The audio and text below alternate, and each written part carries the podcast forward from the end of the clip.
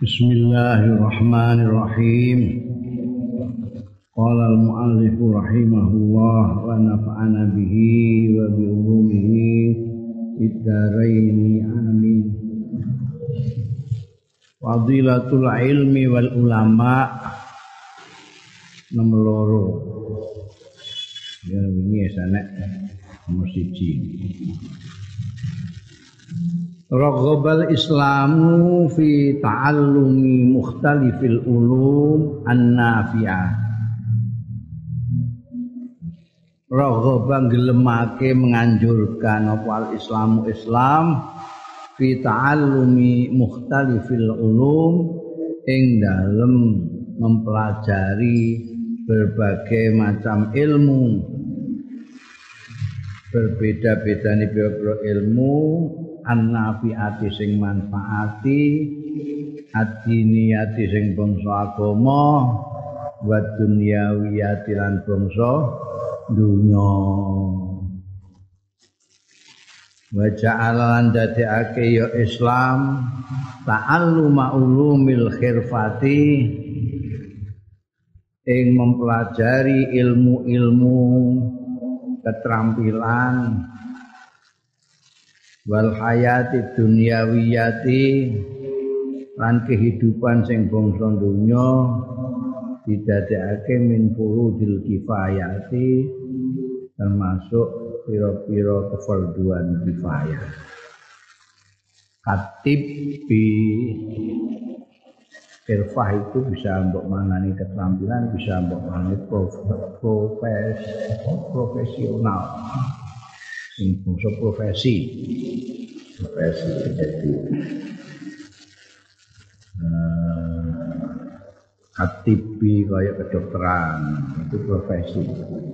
Wasinaati lan industri. Waziraati yang pertanian. Watijarati lan perdagangan. Wal falaki lan astronomi. Wa nahwiha lan sepadane tip sak terusé minal ulumi tadbiqiyati angin ilmu-ilmu praktis. Kal handasati kaya dene teknik wa ghairiha lan liyane handasa. Kama ja'ala kaya dene ndadekake ya Islam ta'allumal haddil adna ing mempelajari batas minimal. Al kafi tapi sing nyukupi minal halali wal haram saking halal haram.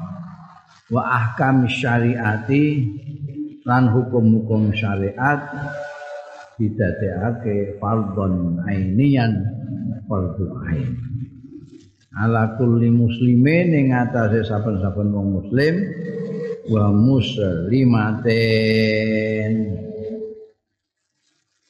lan wong muslim itu kemarin sudah saya katakan bahwa di Islam itu tidak kenal ada dikotomi antara ilmu umum sama ilmu agama. Yang ada adalah ilmu berduain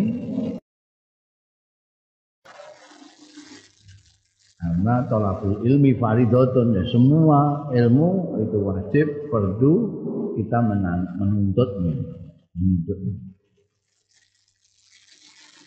cuma ada yang perdu ain per kepala harus mempelajari itu ada yang perdu dimain ini dijelaskan oleh mu'alif yang perlu kifayah itu adalah ilmu-ilmu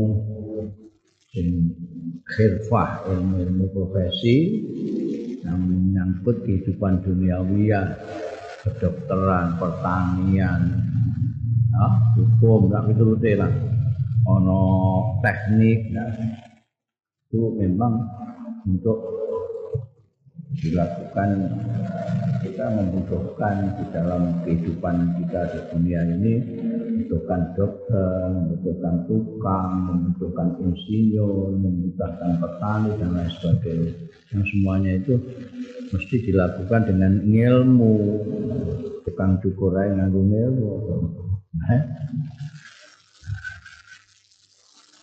Yang perdungain adalah yang mempelajari soal agama. Minimal cukup kamu harus tahu mana halal, mana haram. Gimana kamu mau sholat, caranya dia, poso, bagaimana caranya. Ini perdungain. Setiap orang Islam harus mempelajari. Waraghabal Islamu aidon kan menganjurkan apa al Islam gelemake itu menganjurkan ya Islam aidon halimane binasril ilmi nyebarake ilmu wa ta'limihi lan mulangake ilmu linnasi marang manusa.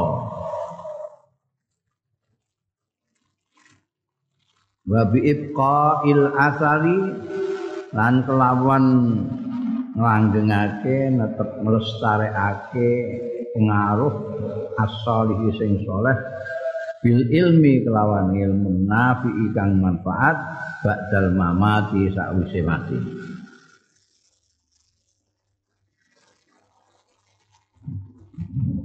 Tidak hanya menuntut ilmunya mencari ilmunya saja yang fardu itu bukan hanya menuntut ilmu saja yang dianjurkan oleh Islam juga dianjurkan untuk nasul ilmu menyebarkan ilmu. Karena itu lalu ada orang mondok setelah mondok ngulang lagi itu nasul ilmu ya. Ini saya terangkan.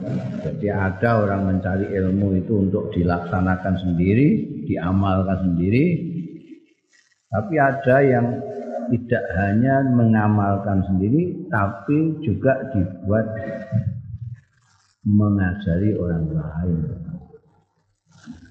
Kamu belajar nahu sorob, kaidah-kaidah bahasa Arab, kamu amalkan untuk membaca kitab, untuk berkomunikasi dengan tokoh-tokoh Islam, kamu bisa berkomunikasi dengan Imam Syafi'i, Imam Ghazali, Imam Nawawi dan lain sebagainya karena kamu bisa baca kitab. Kamu bisa baca kitab karena kamu belajar. Tapi bisa jadi kamu itu begitu kamu misalnya khatam alfiah itu tidak kamu gunakan untuk maca kitab. Tapi kamu ajarkan lagi nanti pada orang lain. Siapa tahu orang lain itu yang mau maca kitab mengamalkan ilmu nahu soroknya meskipun kamu yang mulang tidak. Ini sing apik piye? Ngapik ya wong itu apa memanfaatkan ilmu dan mengamalkan ilmu dan nasul ilmi ada tiga. Manfaatkan ilmu ya cari ilmu yang manfaat, jangan cari ilmu yang tidak manfaat. Ilmu yang manfaat banyak sekali, ada yang fardu ain, ada yang fardu kifayah.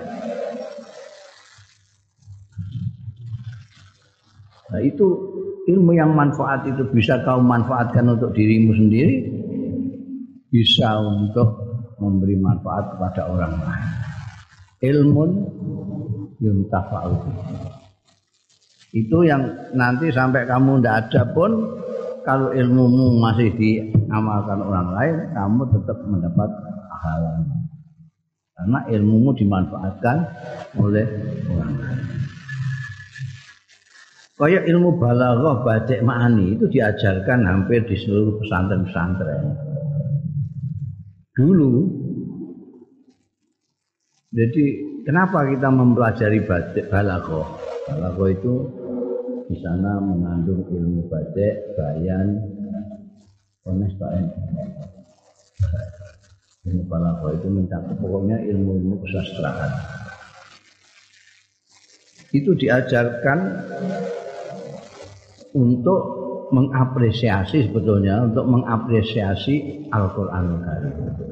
Nah, Al-Qur'anul Karim itu mukjizat Allah yang dibawa oleh Kanjeng Nabi Muhammad wasallam. Kanjeng Nabi juga punya mujizat-mujizat sing kaya Nabi Musa barang ngono air mancur segala macam itu, dua driji. Tapi yang paling agung adalah mukjizat Al-Quran. Terutama mukjizatnya Al-Quran bukan maknanya tapi apa dan maknanya alias sastranya. Sehingga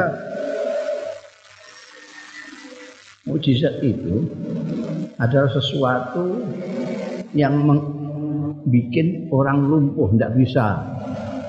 Jadi mukjizat dari ajaza dan yang dilumpuhkan itu adalah yang paling top di dalam masyarakat itu. Misalnya tongkatnya Nabi Musa itu kalau tukang sihir sudah ngakoni bahwa dia tidak bisa melakukan seperti yang dilakukan Nabi Musa. Apalagi yang bukan tukang sihir. Ya itu. Apalagi. Kalau ini masih ada yang bisa ngatasi bukan mukjizat namanya. Nah Al-Quran ini itu sastrawan-sastrawan kaliber dunia. Dalam bahasa Arab itu orang-orang uh, semacam Imril Qais, Nabi Abu Salma, segala macam itu. Itu penyair-penyair yang puisi-puisinya itu digantung ke Ka'bah.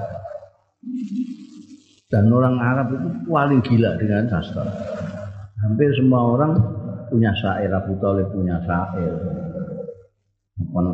Sayyidina Umar punya syair, Sayyidina Ali, mereka bisa bersyair semua. Tapi begitu ada Quran turun, mereka kecil semua. Ini tidak bisa sehebat apa pun sastra saya tak bisa ngatasi. Dulu kan pernah ada ditanyakan sama orang-orang itu kepada sesepuh. Sesepuh uh, kalau tidak salah uh, Al As bin Wail kalau tidak Al Walid bin Mughirah. Yang putra putranya menjadi sahabat Nabi yang dekat sekali. Oleh Amr Ditanyakan Walid bin Mughirah ditanya tentang Al-Quran. Ketika belum ketemu Abu Jahal, itu dia masih nekcol, masih pakai akal pikiran. Ditanya apa kok ini? Dia tanya, apa yang dibaca Muhammad itu menurut kalian apa? Ketika ditanya itu balik balik bertanya, menurut kamu apa itu? Nah itu syair. Asalnya kan apa jenenge edan barang Jadi itu minta tanya kepada sesepuh itu, alit itu, dalam rangka gumadani kanjeng Nabi apa? Iki enake diwadani apa? Yang tidak memalukan kita lho. Madani itu ndang memalukan. Jadi konsultasi mbek sesepuh itu.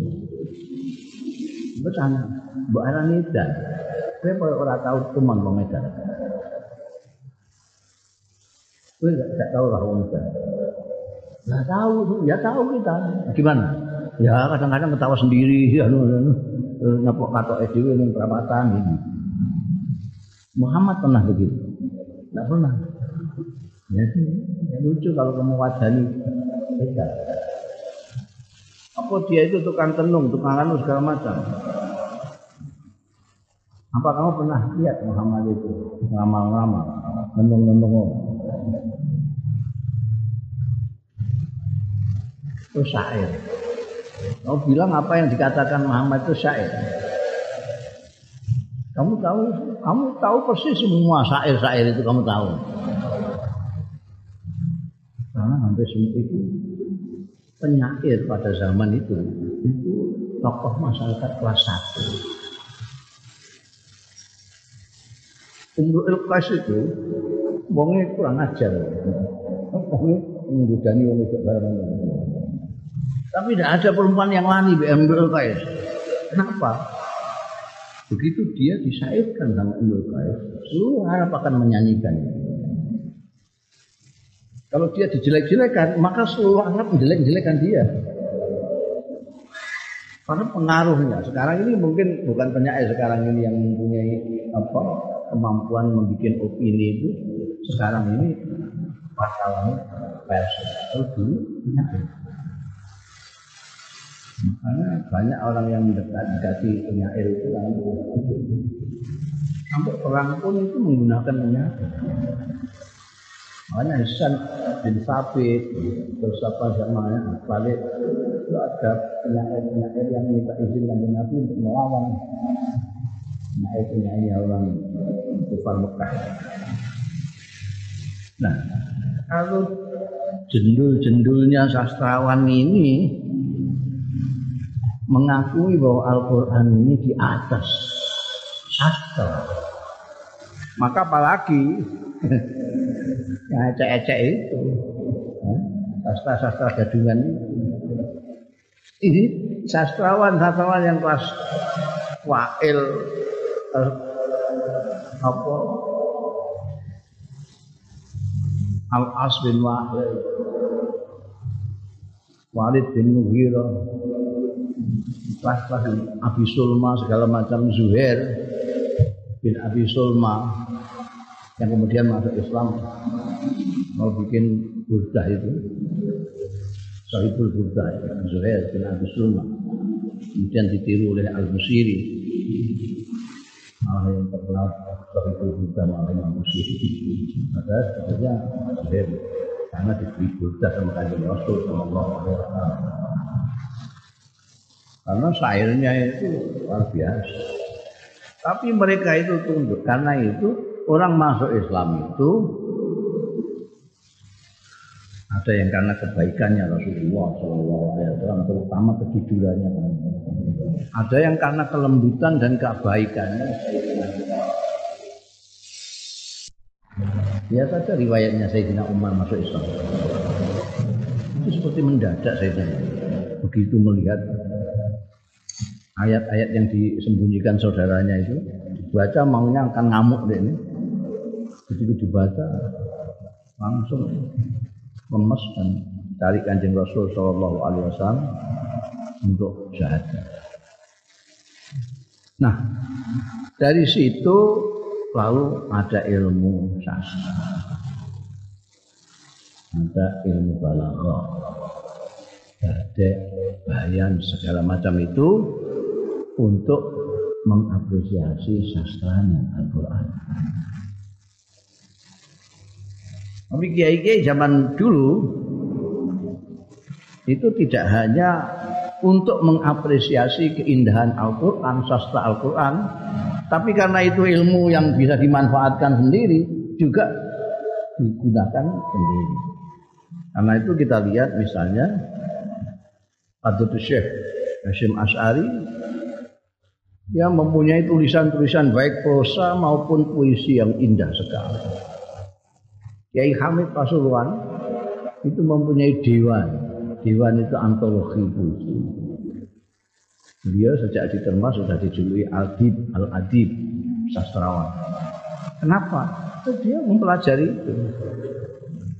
Semula untuk mengapresiasi Al-Quran, kami kemudian dimanfaatkan untuk bikin sendiri. Itu madhab yang saya ikuti ya. Atau orang bingung, saya tidak pernah sekolah, kok bisa bikin puisi? Saya bilang, santai bukan sekolah, ini itu santai diajari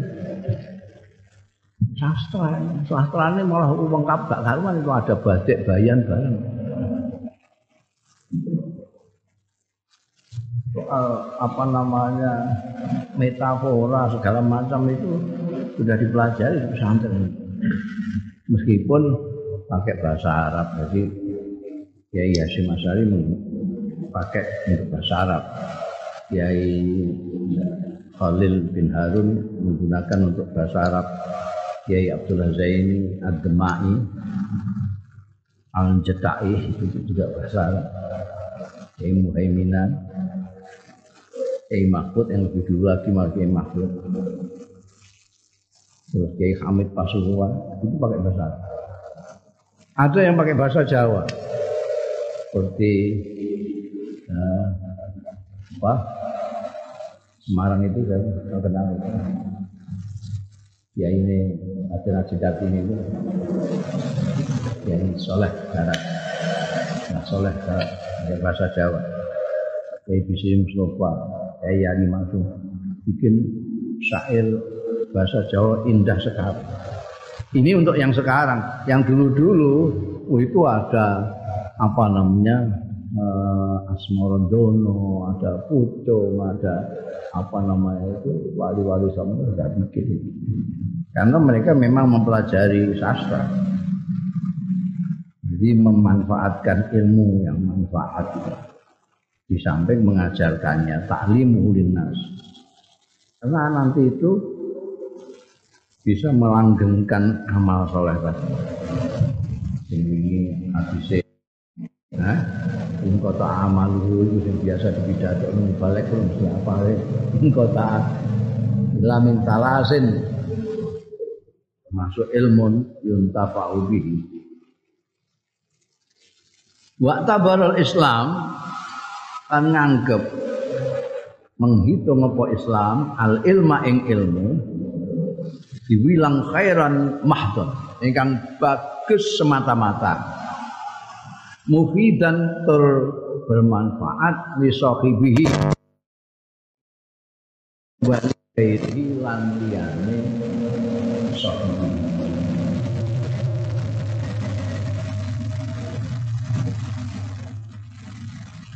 Islam menganggap orang yang dihargai sekali oleh Islam. Wa tu'addu hayatul alim lan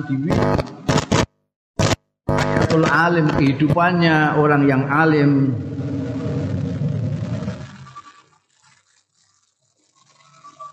Kuluha sekabiani hayatul alim fi sabilillah. Hitung fi sabilillah. Jadi kayak kamu mencari ilmu gini ini, itu kamu sedang fi sabilillah. Makanya ada yang mengatakan kalau ngantek mati eh, jahil. Hatta yadfalu bil jannah sehingga mengoleh sapa sahibuhu bil jannati kelawan swarga. Walil alim lan kedue wong sing alim fadlun wadihun keutamaan sing jelas. Alal abidi dibanding wong sing abid sing orang alim. Ada orang itu yang sregep ibadah iktikaf mulai pas subuh ngantek bar zuhur eh muasal wiridane bae ora mok 100.000 aku duwe terus bae sing 1000 jadi ngene. Ibadah. Salat duha salat qabliyah ba'diyah salat mengi poso Senin Kamis oh ibadah. Tapi ya mereka dijazai wong ngono kowe eh? Kowe sembahyang duha minimal rong rakaat atau patang rakaat cukup wolong rakaat rezekimu ben bancar. Terus soal duha.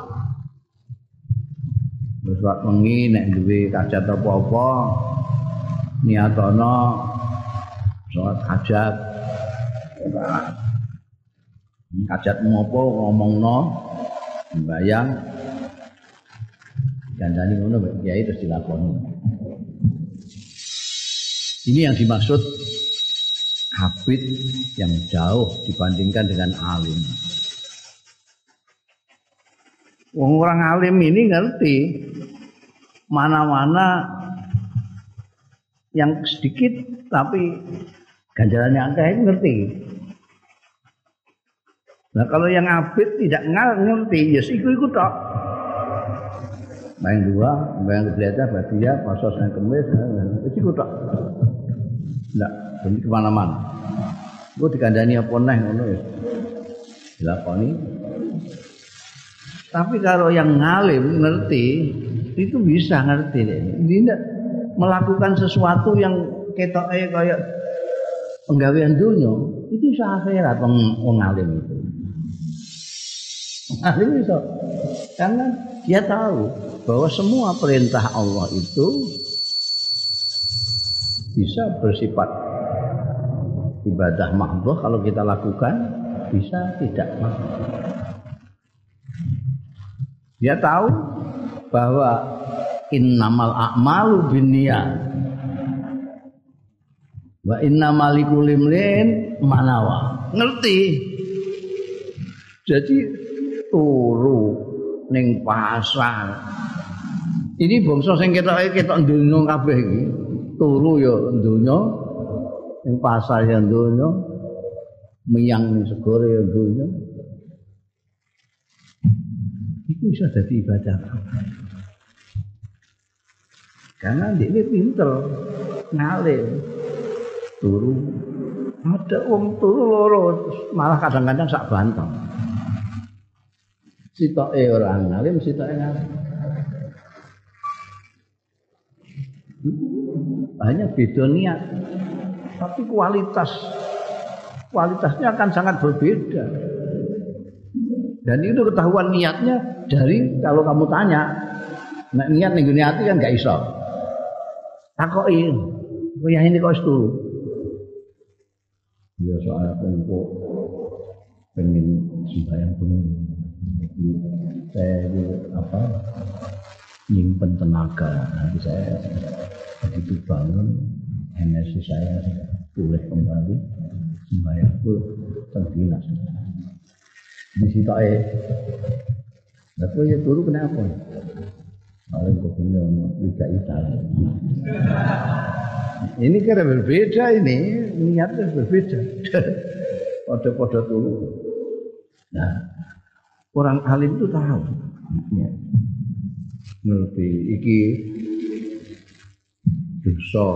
Ora terima iki dosa iki ganjaran enggak iki dosa cilik iki dosa gede iki anu iki. Iku ngerti kan sehingga ya enak kabeh.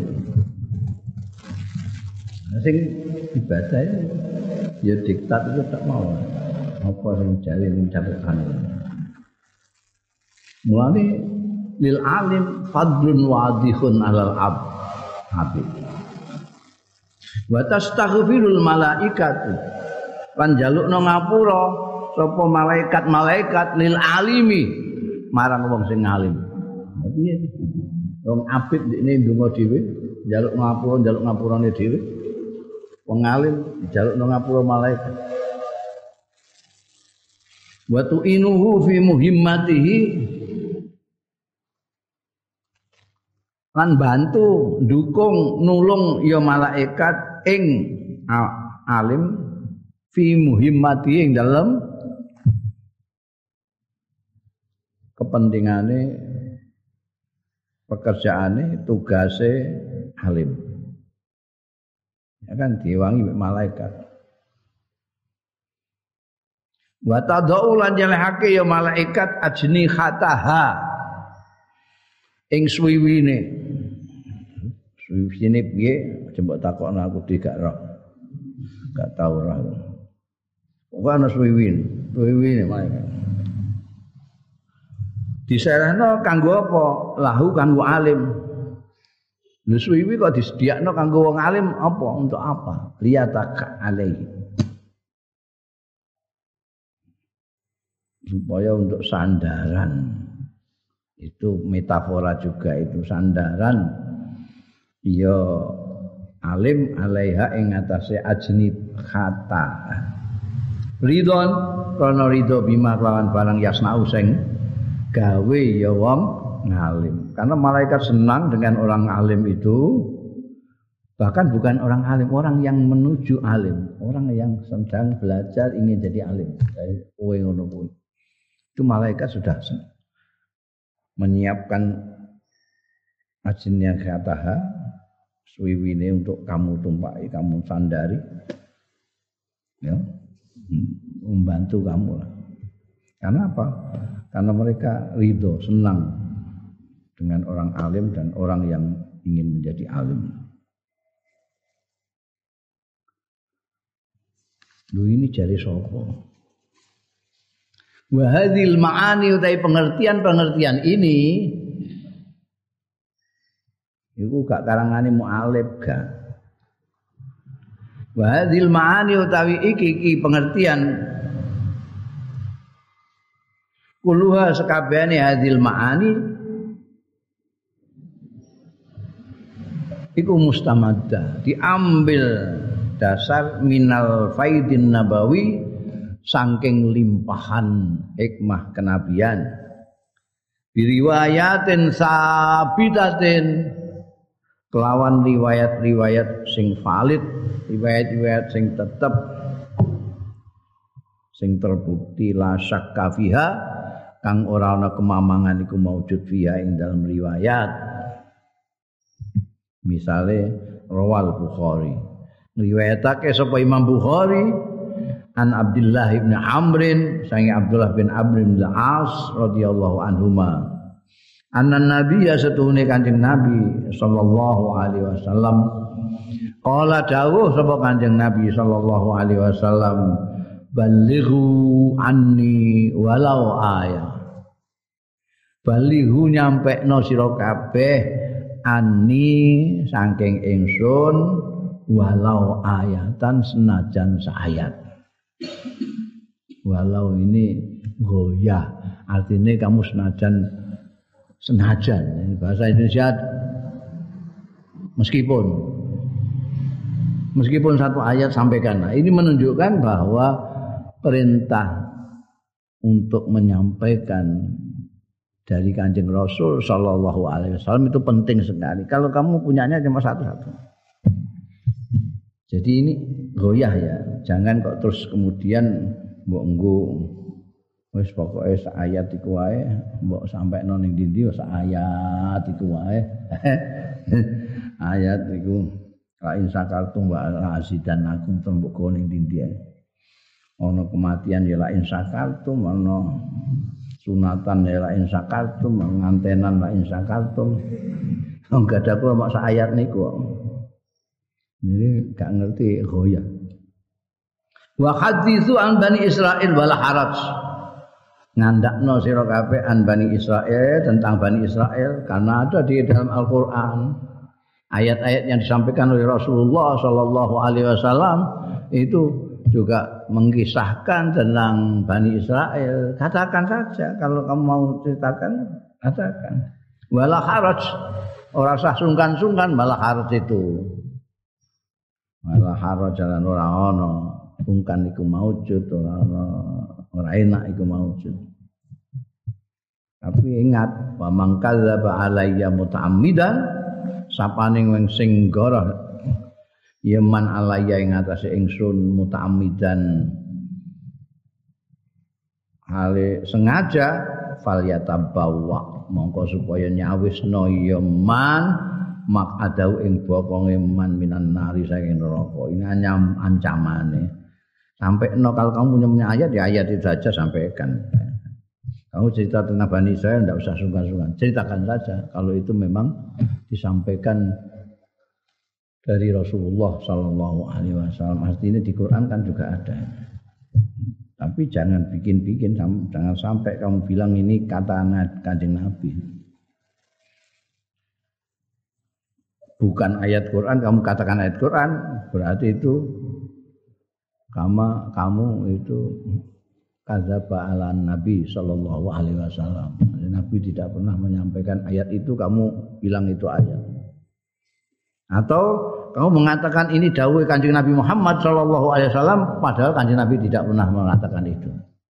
Orang yang seperti itu siap-siap saja bokongnya nanti eh jajal sik ning gone angklo bokong iku nek kowe gak kepanasan ya silahkan nanti bin mak ada minan tegese hadis iki liubalir liubalir supaya nyampe no sapa kullu muslimin. Setiap orang Islam menyampaikan annasa ing manusa ing wong-wong. Walau ayatan senajan sa ayat minal Qur'an saking Quran. Mergo wong awam itu mungkin tidak membaca sama sekali itu. Nah kamu membaca meskipun satu ayat sampaikan. Wala mania lan ora ana sing nyegah minat tahaddusi saking menceritakan an di Bani Israel. Saking kedadian-kedadian Bani Israel. Dulu Bani Israel pernah begini. Dikongkon kalau Nabi Musa. Kon nyembelih sapi banyak banyak pertanyaan sapi yang bagaimana sapi yang bagaimana. Akhirnya malah kesulitan sendiri eh? Dan coba kalau ketika disuruh nyembelih sapi langsung di pasar hewan terus tuku sapi sembelih sudah beres. Tidak kekaken penting sing pertanyaan. Sapi yang kayak apa saya akhirnya terus sapi yang begini sapi yang begini sapi yang begini sapi yang begini akhirnya golek kang hewan ketika mendapatkan regane larang sekali. Salah dewi kaken takon. Itu bisa untuk pelajar. Jadi tidak usah sungkan-sungkan kamu menceritakan tentang Bani Israel. Bani Israel karena bisa untuk kita jadikan pelajaran. Kowe nek engko nek dikongkon ke bapakmu tuku rokok rasa takok, langsung tukokno rokok sembarang Hmm. Cukup kok tukokno iki lha, jeneng muni rokok ngoten mau niki rokok. Lah nek kowe takok rokok nopo, Pak? Rokok putih napa rokok kretek? Kretek. Sing klobok, sing klobot napa sing anu? lobot sing bungkusnya nganggo kertas nang sing grenjeng. Kowe golek mumet. Pemenah bapakmu ngerti nek kowe iki kaya Bani Israel. Terus langsung digolek. Cape napa Pak? Cape. Cape gundul pacul. Mubeng sak kutho gak ketemokno kowe. Jadi lamane minat tahaddus an ahdasi bani Israel lil ibrati kanggo pelajaran wal idzati lan nasihat Wene pidato barang mbok critakno Bani Israel mbiyen ngeten-ngeten ngeten-ngeten. Nglarakno ati njaluk pakanan dijalukno kan Nabi Musa pakanan salma mana wa salfa enak era karuan. Nek delok wis njaluk wah bosen kula kalih mana salwa njaluk liyane mawon. Apa sing mbok njaluk? Kula njaluk sing bangsa napa niku? Brambang bawang barang macam niku ya. Iku kena mbok critakno wala kharas. Min ghairi wuqu'in fil ismi saking tanpa tumiba ing dalem dosa enggak dosa.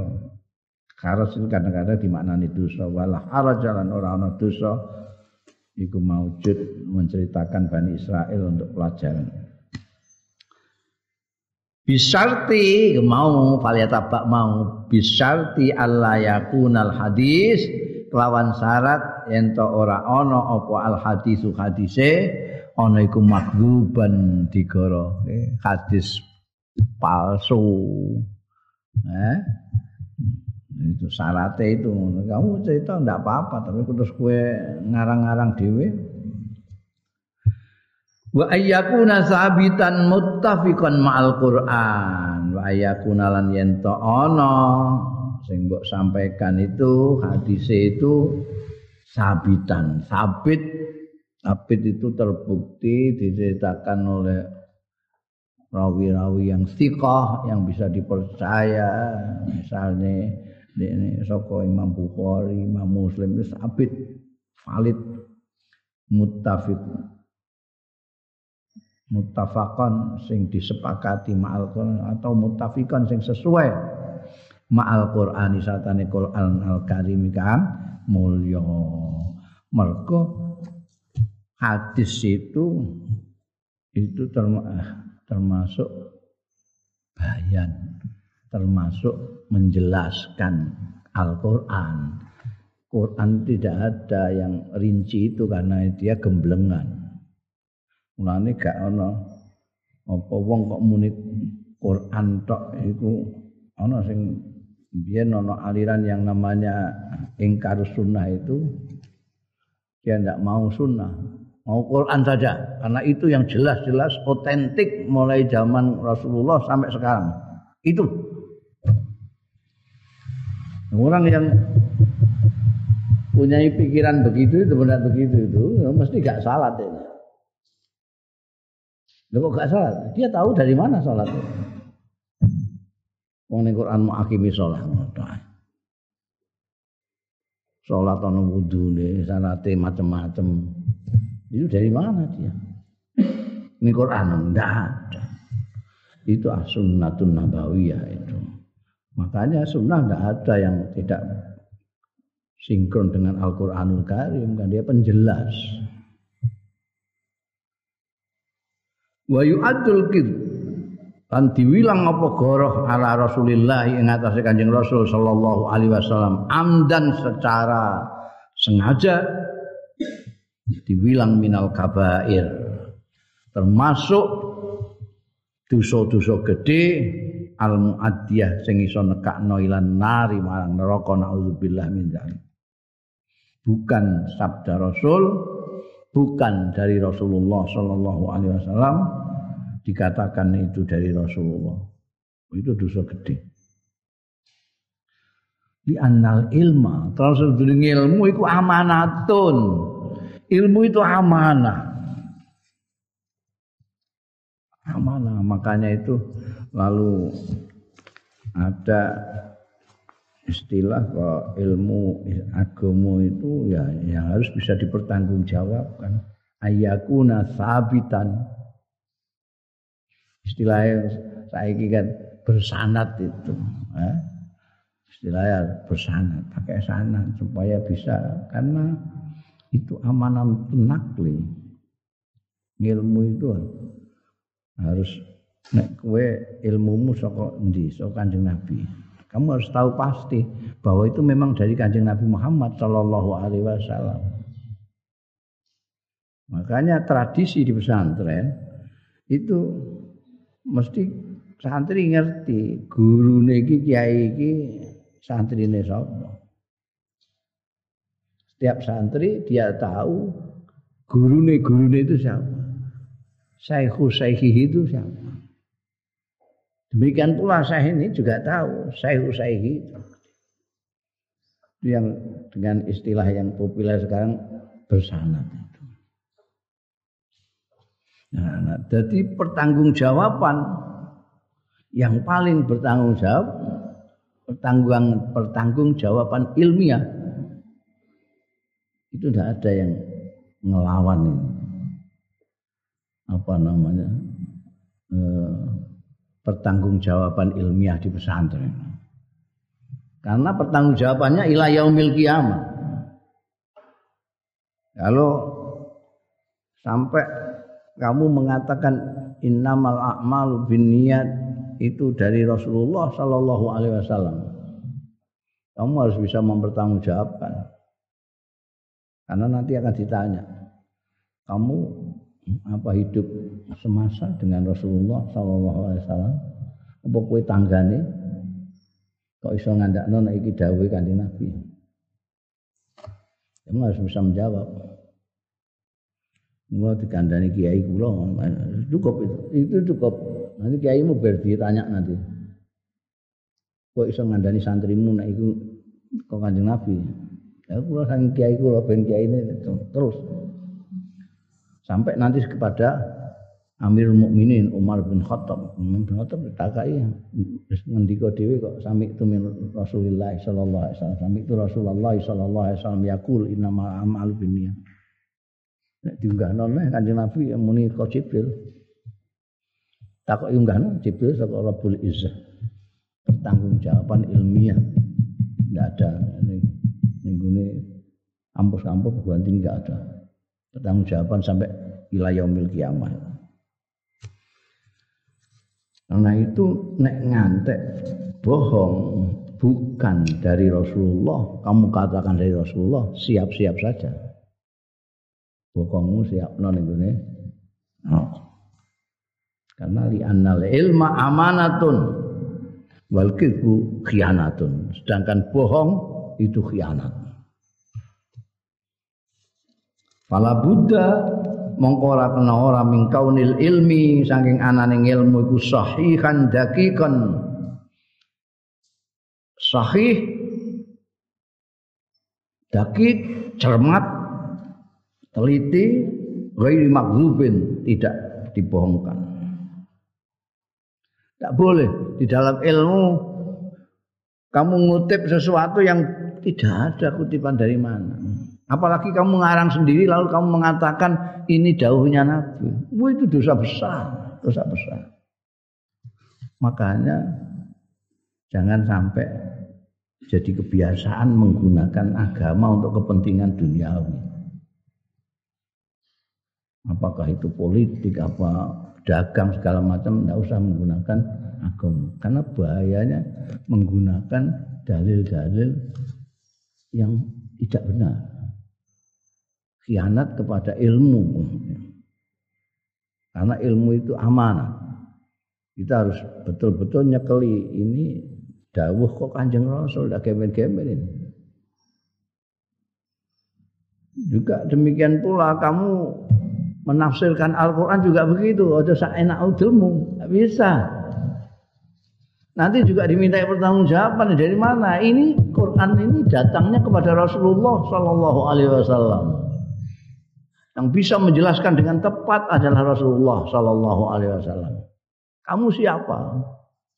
Belajar dari mana kamu bisa memaknai ini begini?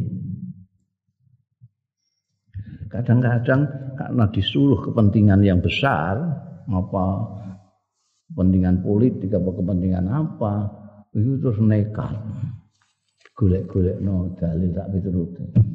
Eh, dalil kepentingan jenenge itu bahaya dosa gede.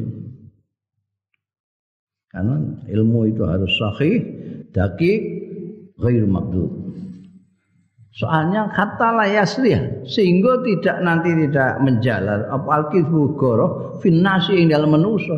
Kalau gorowan kamu sampaikan kepada manusia maka itu nanti akan menyebar kebohongan itu Huwa itu dianggap nyata oleh orang yang paling bodoh.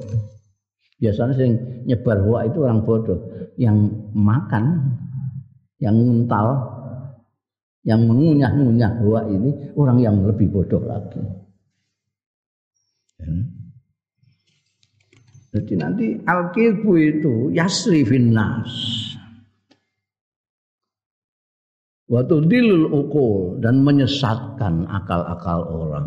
Nah, menyesatkan karena wong awam ngerti ini itu kanjeng Nabi, menghormati kanjeng Nabi, di ini muni itu dawuhi kanjeng Nabi, dia ikut saja.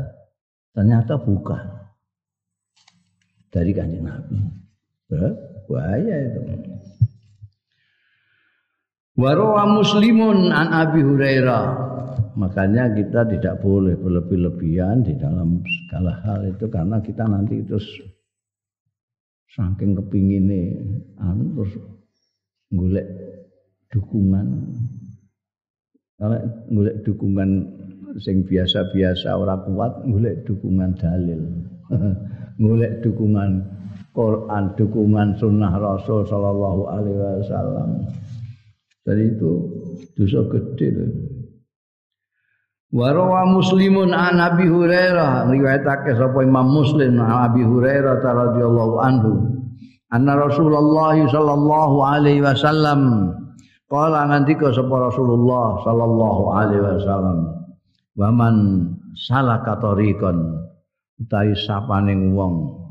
Salaka kan ngambah yeman tariqan ing dalan yaltamisu sing golek yeman fi ing dalem tariq ilman ilmu sahalallah mongko gampangake sapa Allah lahu marang man bihi sebab ngilmune mau tarikon ing dalan ilal jannati marang swarga Orang yang seperti kalian ini adalah orang yang ngambah dalan mencari ilmu. Man salaka torikon yaltamisu fihi ilman. Kalau memang kamu memang betul-betul cari ilmu, eh? Oh, timbangannya nganggur ngono ya ora. Mengang nganggur ini. Nganggur.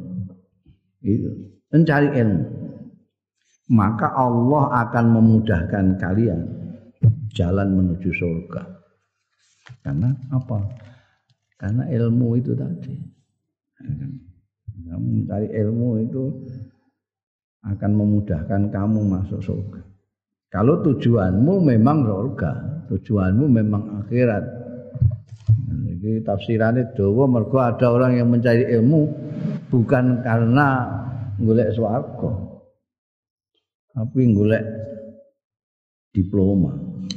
Ya, ya, untukmu ya diploma. Gusti Allah itu murah sekali. Wa mayurid sawabad dunya nu'tihi minna. Wa mayurid sawabal akhirati nu'tiha. Kalau kamu ingin dunia, Gusti Allah kasih kamu dunia. Kamu kepengen dapat ijazah, dikasih ijazah Gusti Allah. Kepengen jadi PNS, kasih PNS. Pengen manfaat mau ilmumu kanggo urusan dunia, diparingi. Tapi kamu ingin untuk akhirat juga diparingi. Ya, terserah kowe.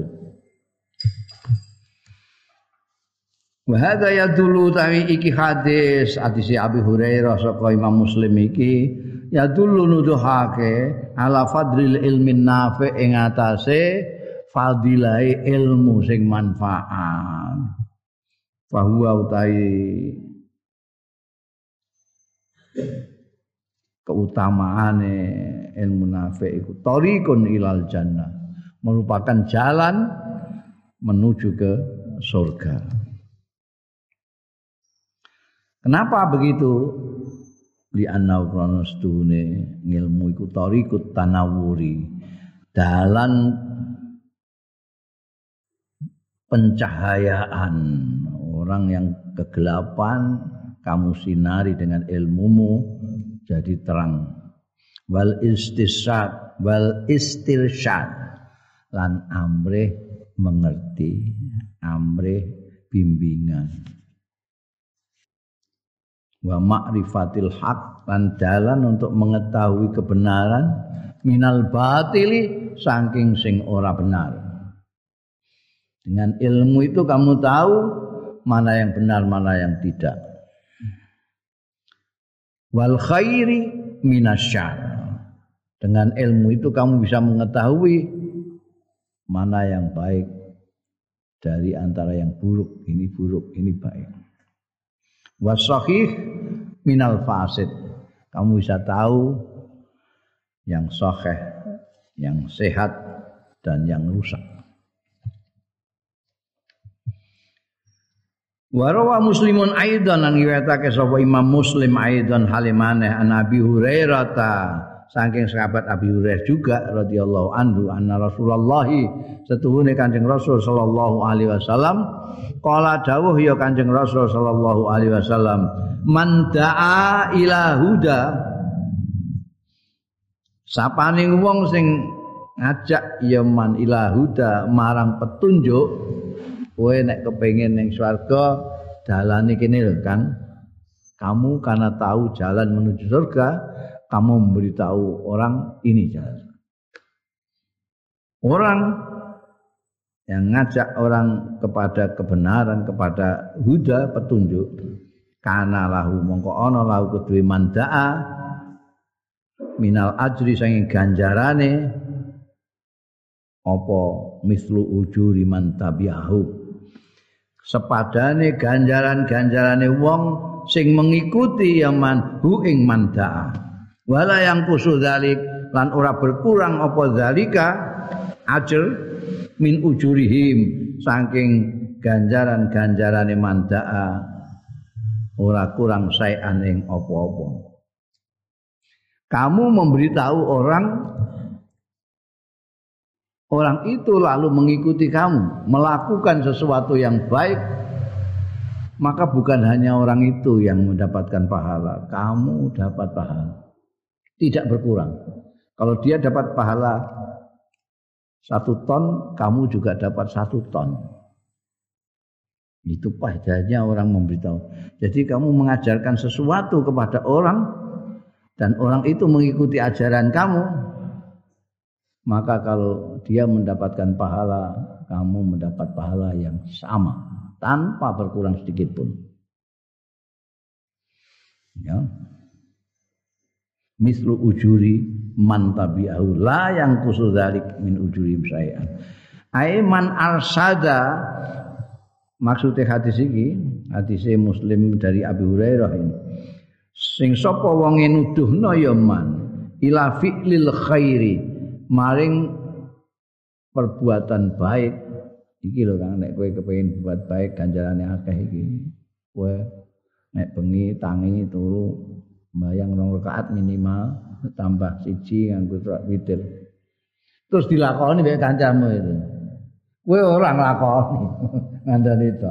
Iku kowe entuk melok ganjaran mergo ndekne nglakoni sing mbok kandhani ndekne ngertine kok kowe yo entuk ganjaran. Heeh kan enak kowe. Kowe ora melok untuk ganjaran. Man arsada ila fi'lil khair wal haqqilan haq sing bener ngene lho Kak. Iku keliru nek ngono iku. Kana mudha'afal azzi bi qadri man ta'allama min. Mongko ana kana ana apa iku mudha'afal azri wilangan. Wilangane kepautan teman. Terpautane ganjaran. Bi qadri man ta'allama minhu lawan seukur barang ta'allama kang bibinau ya man minhu saking manda Iku mengajarkan apa? Mengajarkan banyak, kamu ganjarannya banyak. Mengajarkan orang banyak, orang banyak melakukan semuanya, kamu juga dapat banyak gitu. Da'a ghairahu ila ta'alumihi ngajak sapa man da'a ghairahu ing liyane man da'a ila ta'alumihi maring mempelajari ilmu li umumi fadlihi krana umume fadilahe Wa asalul ilmi daimun layang kote. Utawi pengaruhe ngilmu, labete ngilmu iku daimun langgeng layang kotiu ora terputus ya asarul ilmi.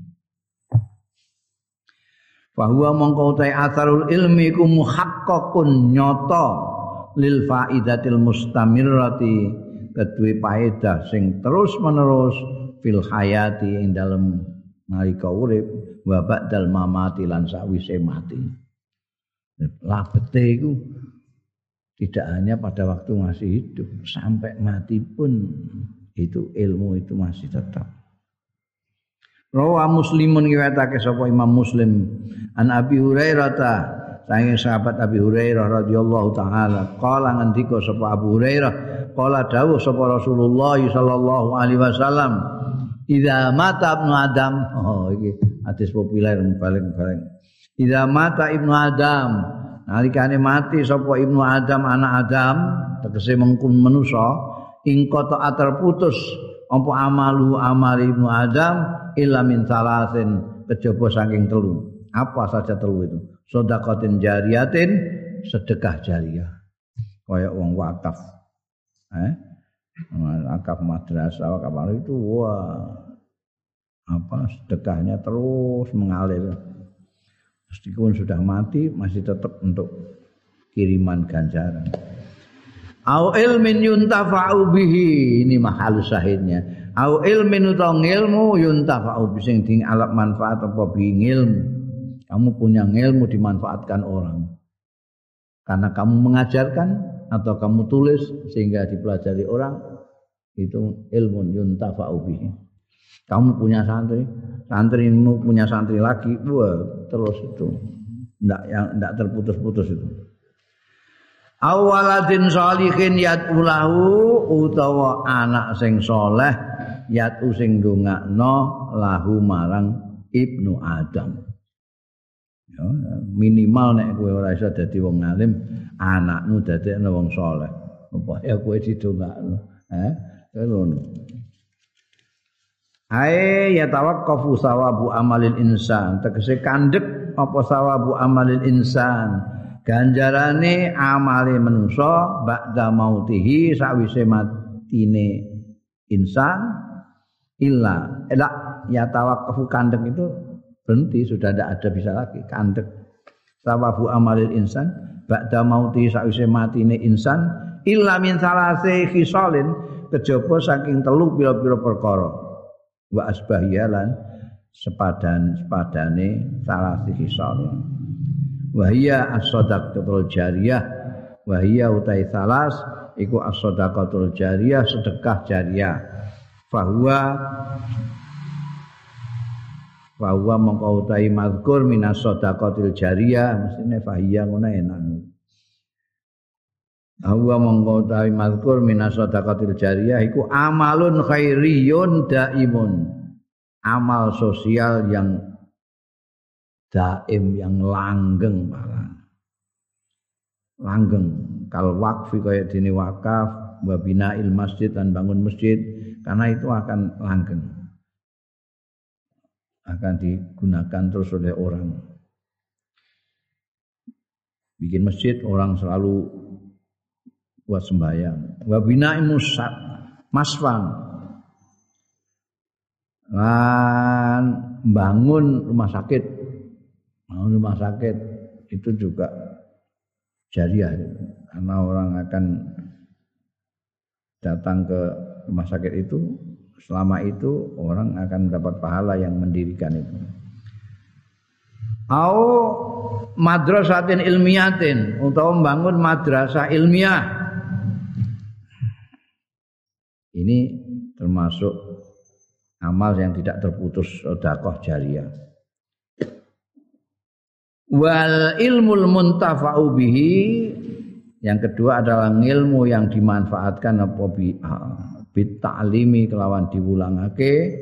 Au tasnifi utawa disusun dadekno kitab. Au ta'lifi utawa dikarang. Jadi apakah diajarkan apa ditulis itu kalau dimanfaatkan orang maka orang yang sudah meninggal tetap masih mendapatkan pahala. Yang ketiga wa du'aul waladi dungane buta anak as-salihu sing soleh. Seperti kemarin saya katakan, nek menurut Allah yarham ki bisi Mustafa, nek walad itu soleh, itu orang dungakno bareng wong tuane untuk pensiunan. Kenapa? Karena kesolehan anak ini yang menyebabkan adalah orang tuanya. Kok begitu? Ya, kalau tidak ada orang tuanya kan nggak ada anak ini. Kalau nggak ada anak ini kan nggak ada anak soleh. jadi anak ini, jadi orang tuanya yang menyebabkan adanya anak soleh ini ya akan mendapat pensiunan ganjarannya anak ini. Doaul walad nek ning gone hadis iki dongane wong anak saleh wastighfarulan anggone njalukno ngapura waladus saleh li abawaihi kanggo wong tuwa lorone waladus saleh wa hadza utawi iki iku dalilun petunjuk dalil ala fadlil a'mali daimatin nafi ing atase keutamaane ngamal-ngamal kang langgeng manfaate. Jadi kowe golek ngamal sing kira-kira langgeng. Manfaate kok. Kowe gawe sumur, gawe masjid, gawe anak soleh itu. Wa fi taliatiha dan iku ing dalam puncaknya al a'malud daimah iku al ilmul mufid ilmu sing maidai Wayakadu yang hasiru Wayakadu yang hasiru Wallahu alam